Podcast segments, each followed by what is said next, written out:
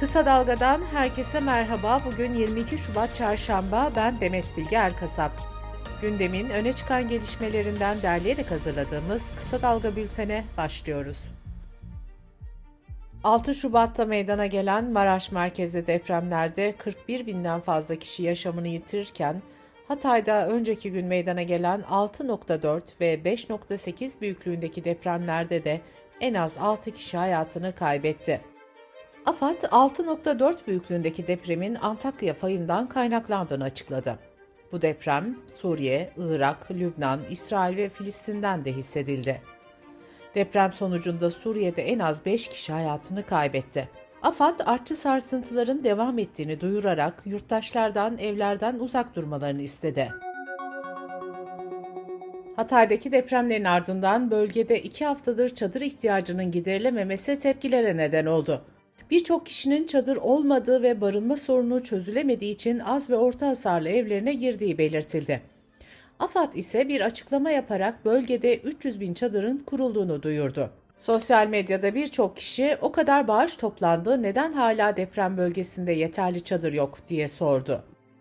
Deprem bölgesinde içme suyu problemi de devam ediyor. Sağlık Bakanı Fahrettin Koca, Hatay'da şebeke suyunun içme suyu olarak kullanılmaya elverişli olmadığını açıkladı. Cumhurbaşkanı Recep Tayyip Erdoğan dün Osmaniye'de açıklamalarda bulundu. Deprem bölgesinde can kaybının 41 bini geçtiğini söyleyen Erdoğan, bölgede 1 milyondan fazla binanın incelendiğini ve 139 binden fazla binanın ağır hasarlı olduğunu kaydetti. Erdoğan, bölgede yapılacak kalıcı konutların bir yıl içinde teslim edileceğini de belirtti. Kentsel dönüşümün önemli olduğunun altını çizen Erdoğan şunları söyledi. Ben diyorum ki vatandaşımıza ne olur bize yeni bedeller ödetmeyin. Bundan sonraki süreçte gerekirse tüm yasal altyapıyı oluşturacak, ona göre adımlarımızı atacağız. Kızılay'ın deprem bölgesinde olmadığı yönündeki eleştirilere de yanıt veren Erdoğan, çıkmış bir tanesi Kızılay nerede diyor. Be ahlaksız, be namussuz, be adi. Böyle vicdansızlık olur mu ifadelerini kullandı.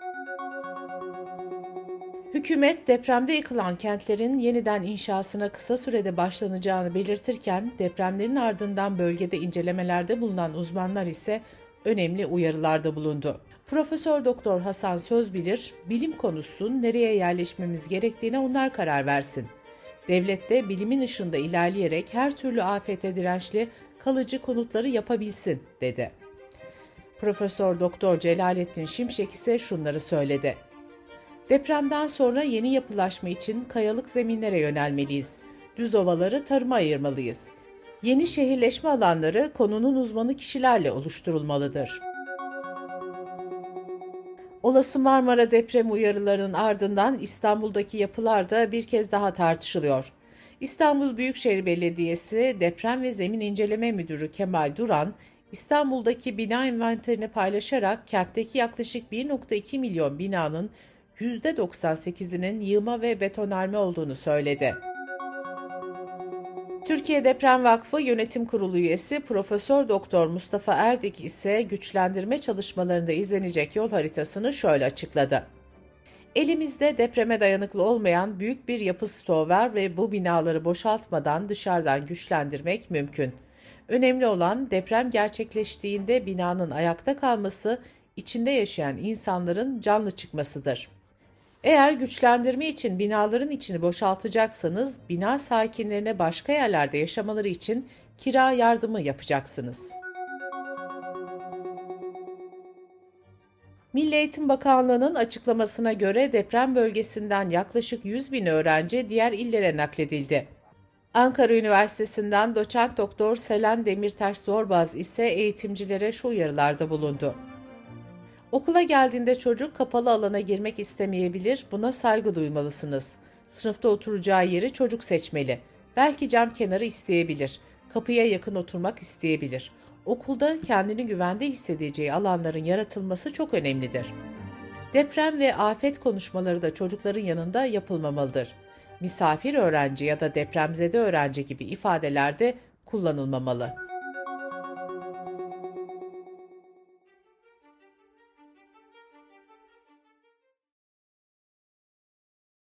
Deprem riskine karşılık İstanbul'da 93, Tekirdağ Çorlu ilçesinde 5 okul için tahliye kararı verilmişti.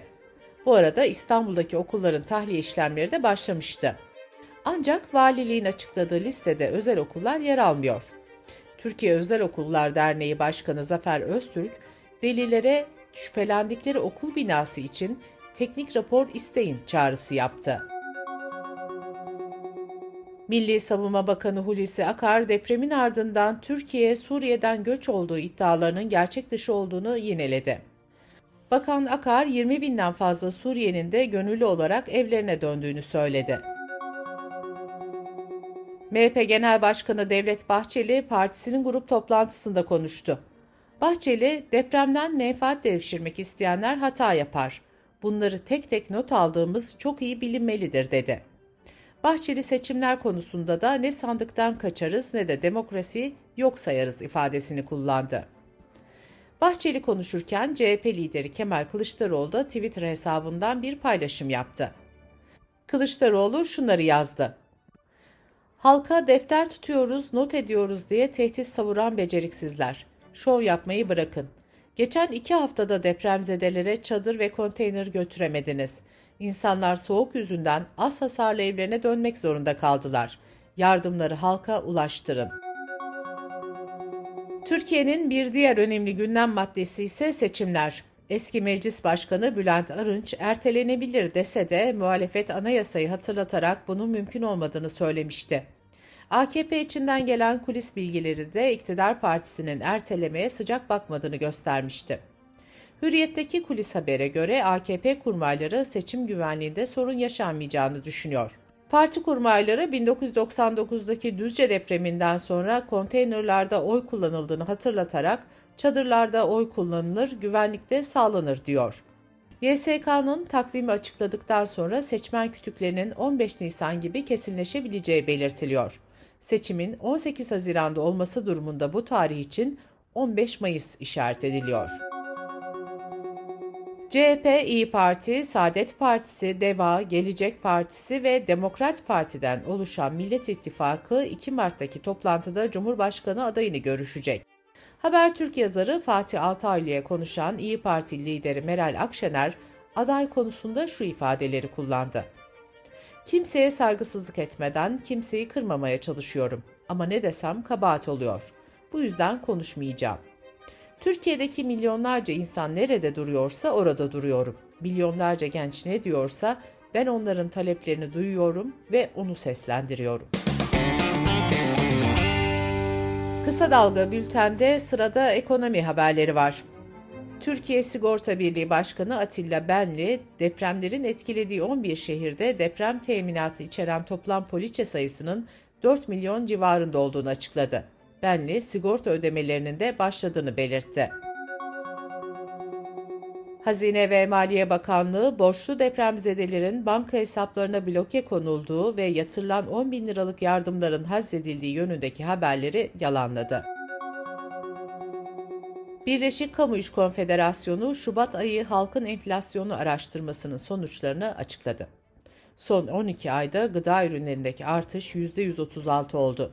Araştırmaya göre Eylül 2021'de 100 liraya satın alınan bir gıda sepeti için bu yıl Şubat ayında 389 lira ödemek gerekti. Gıda fiyatlarındaki aylık artış %5.1 oldu. Böylece gıda fiyatlarındaki aralıksız artış süreci 33 aya çıktı. Türkiye İstatistik Kurumu Aralık ayına ilişkin tarımsal girdi fiyat endeksi verilerini yayımladı. Endeks aylık bazda %0.72, yıllık bazda ise %103.14 oranında arttı. Merkez Bankası Para Politikası Kurulu 20 Şubat'taki toplantısında hali hazırda %9 olan politika faizini görüşecek. Bloomberg HT'nin anketine katılan 16 kurumun medyan beklentisi politika faizinin 100 bas puan indirimle %8'e çekilmesi yönünde. Dış politika ve dünyadan gelişmelerle bültenimize devam ediyoruz. Hatay'ın Defne ve Samandağ ilçelerinde meydana gelen 6.4 ve 5.8 büyüklüğündeki depremlerin ardından dünyadan destek mesajları geldi. Birleşmiş Milletler Genel Sekreteri Guterres, gerektiğinde ilave destek sağlamaya hazırız dedi. Depremlerin ardından ABD Ulusal Güvenlik Danışmanı Jake Sullivan da ABD'nin tam desteği devam edecek mesajını paylaştı. Avrupa Komisyonu'nun açıklamasında ise dayanışma ve desteğimiz bu zor zamanlarda sarsılmaz şekilde devam ediyor denildi. Almanya Sağlık Bakanlığı depremzedelere ilaç ve tıbbi malzeme yardımı yapmak üzere bir ilaç zirvesi düzenledi. İlaç ve tıbbi malzeme üreten şirketler depremzedeler için gerekli malzemeyi gönderme taahhüdünde bulundu. Küba Büyükelçiliği Maraş merkezli depremlerden etkilenen bölgelere sevk edilen Kübalı cerrah ekibinin 13 ameliyat yaptığını duyurdu. Büyükelçiliğin paylaşımında sevginin ve dayanışmanın dili dil engelini aşıyor ifadelerine yer verildi. Birleşmiş Milletler 14 Şubat'ta 397 milyon dolarlık insani yardım çağrısında bulunmuştu. Birleşmiş Milletler bu kez de üye ülkelere depremlerden sonra başlatılan yardım kampanyasına daha hızlı katkıda bulunmaları için çağrıda bulundu. Savaşın devam ettiği Ukrayna'nın Harkiv kentinden depremzedeler için 22 tonluk insani yardım yola çıkarıldı. ABD Dışişleri Bakanı Antony Blinken, Yunanistan Başbakanı Mitsotakis ile Atina'da bir araya geldi. Mitsotakis, Türkiye ile Yunanistan'ın ilişkisini değerlendirirken önemli ve büyük siyasi farklılıklarımız olabilir ancak halklarımız arasında bağlarımız var dedi. Rusya Devlet Başkanı Putin, Ukrayna Savaşı'nın yıl dönümü öncesinde Federal Meclis'te yaptığı konuşmada savaşın gidişatını ve ABD ile Avrupa ülkelerinin Ukrayna'ya askeri yardımlarını değerlendirdi. Putin konuşmasında şunları söyledi. Savaşı başlatan taraf Batı'ydı. Biz ise bu savaşı durdurmak için güç kullanıyoruz. Evimizi ve insanlarımızın canlarını koruyoruz. Batı'nın istediği ise sınırsız hakimiyete sahip olmak. Putin ayrıca START anlaşması olarak bilinen stratejik saldırı silahlarının azaltılması anlaşmasını askıya aldıklarını da duyurdu. Ukrayna Devlet Başkanı Zelenski ise Çin'in Rusya ile ittifak yapması durumunda bir dünya savaşının çıkacağını belirtti. Ukrayna'yı zor bir dönemin beklediğini belirten Zelenski, ABD ve diğer müttefik ülkelerin desteğiyle tarihi başarıyı elde edeceğini de dile getirdi. Brezilya'nın São Paulo eyaletinde şiddetli yağışlar nedeniyle yaşanan can kaybı 40'a yükseldi. 5 kentte acil durum ilan edildi. Sel ve toprak kayması nedeniyle 228 kişi yaşadığı yerlerden tahliye edildi, 338 kişi de evsiz kaldı. Bültenimizi kısa dalgadan bir öneriyle bitiriyoruz. Gazeteci Filiz Yavuz ve gıda mühendisi akademisyen Bülent Şık'ın hazırlayıp sunduğu Çocuklar için podcast serisinin özel bölümünde deprem bölgesindeki koşulların çocukları nasıl etkilediği ele alınıyor. Çocuklar için deprem özel bölümünü kısa dalga.net adresimizden ve podcast platformlarından dinleyebilirsiniz. Gözünüz kulağınız bizde olsun. Kısa Dalga Medya.